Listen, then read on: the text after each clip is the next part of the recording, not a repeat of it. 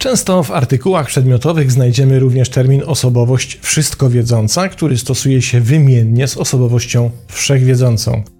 I co najprawdopodobniej jest próbą znalezienia właściwego polskiego tłumaczenia angielskiego określenia know-it-all personality. Jak do tej pory nie ustalono jednoznacznie, jakie przyczyny stoją za tego rodzaju cechami osobowymi. Jedni skłaniają się tutaj do poszukiwania odpowiedzi w narcystycznym zaburzeniu osobowości. Inni szukają przyczyn w tzw. Tak syndromie prymuski. Tu celowo używam formy żeńskiej, bo mimo iż zjawisko dotyczy obu płci, zdaje się, że częściej jest obserwowane u kobiet, w efekcie czego równie częściej jego nazwa będzie przybierała żeńską formę. Tu z kolei łączy się osobowość wszechwiedzącą z hodowanym od dziecka perfekcjonizmem, który zazwyczaj jest jakimś rodzajem reaktywnej strategii, mającej ukryć jakiś rodzaj dokuczliwego i jednocześnie wstydliwego deficytu, który staje się motywatorem, by oczekiwać od siebie perfekcji we wszystkim. Kiedy zaś demon perfekcji nie jest w stanie być odpowiednio karmiony przez swojego żywiciela, Domaga się pokarmu od innych, przez co perfekcjonista potrafi być nie do zniesienia. Nie tylko dla samego siebie, ale też dla całego swojego otoczenia.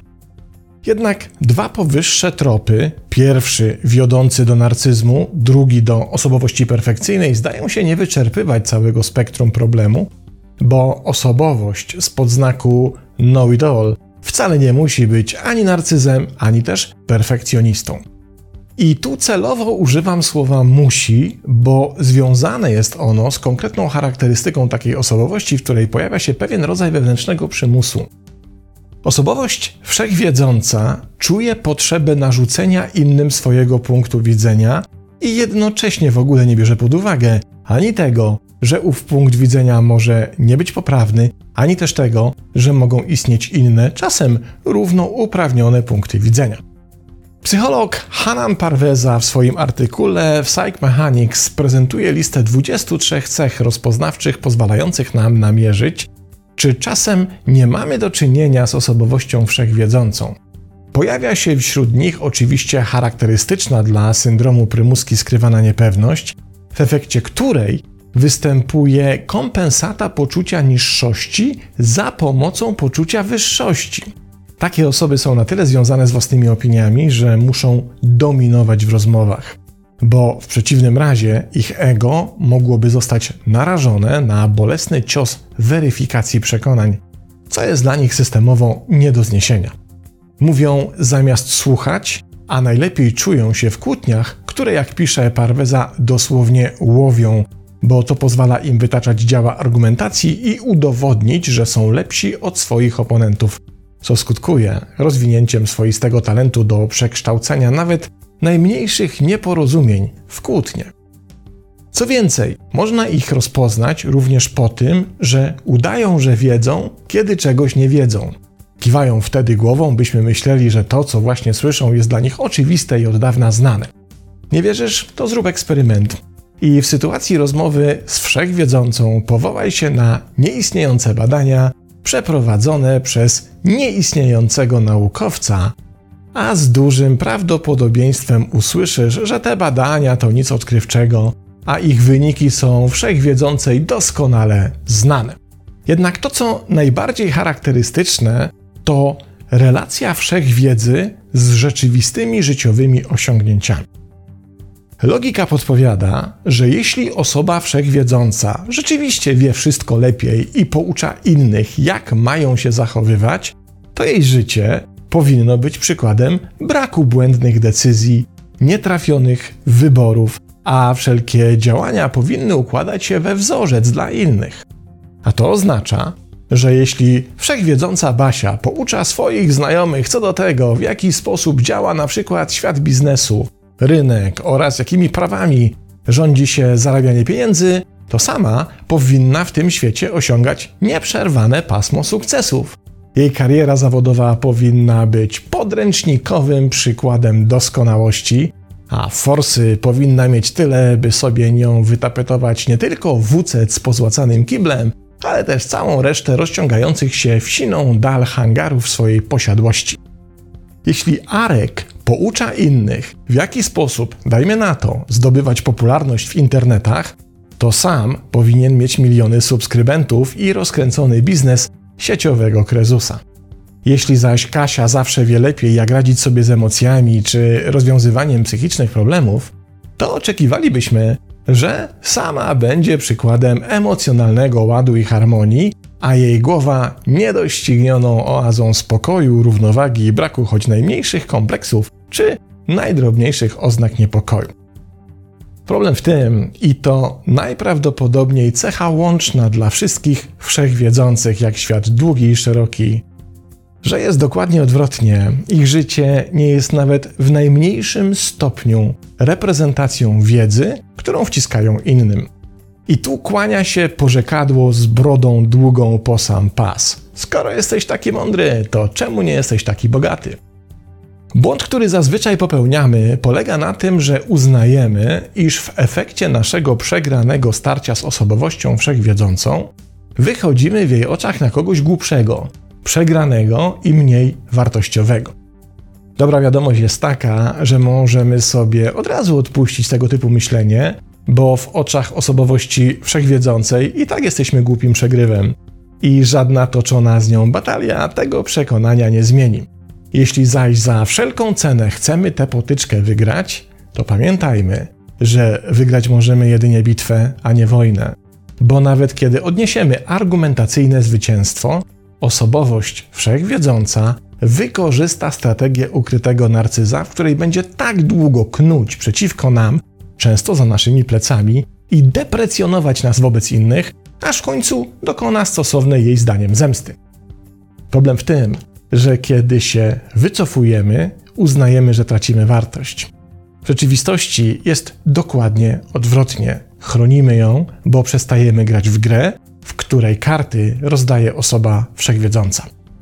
Kiedy jednak damy się podpuścić i wchodzimy w dyskusję z osobowością wszechwiedzącą, to prędzej czy później się zorientujemy, że z taką osobą nie da się dyskutować, bo sposób, w jaki to robi, przeczy zasadom dyskusji.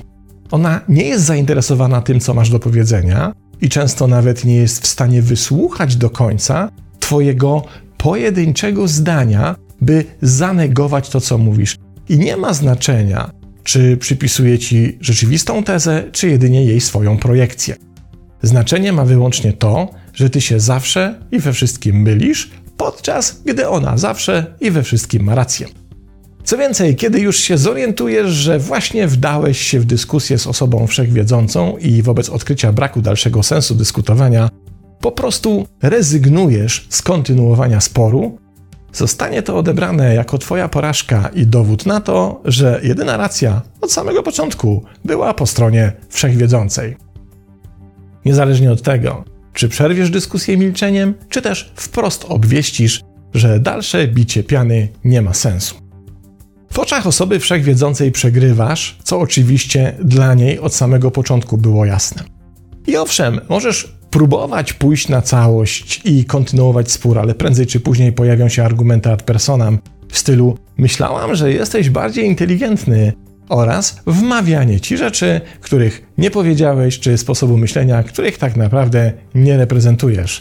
A wszystko w jednym celu – Otóż wszechwiedząca w ogóle nie bierze pod uwagę, że może się mylić, tak jak nie bierze pod uwagę tego, że w ogóle ktoś może mieć inne zdanie, inne spojrzenie czy inne wartości.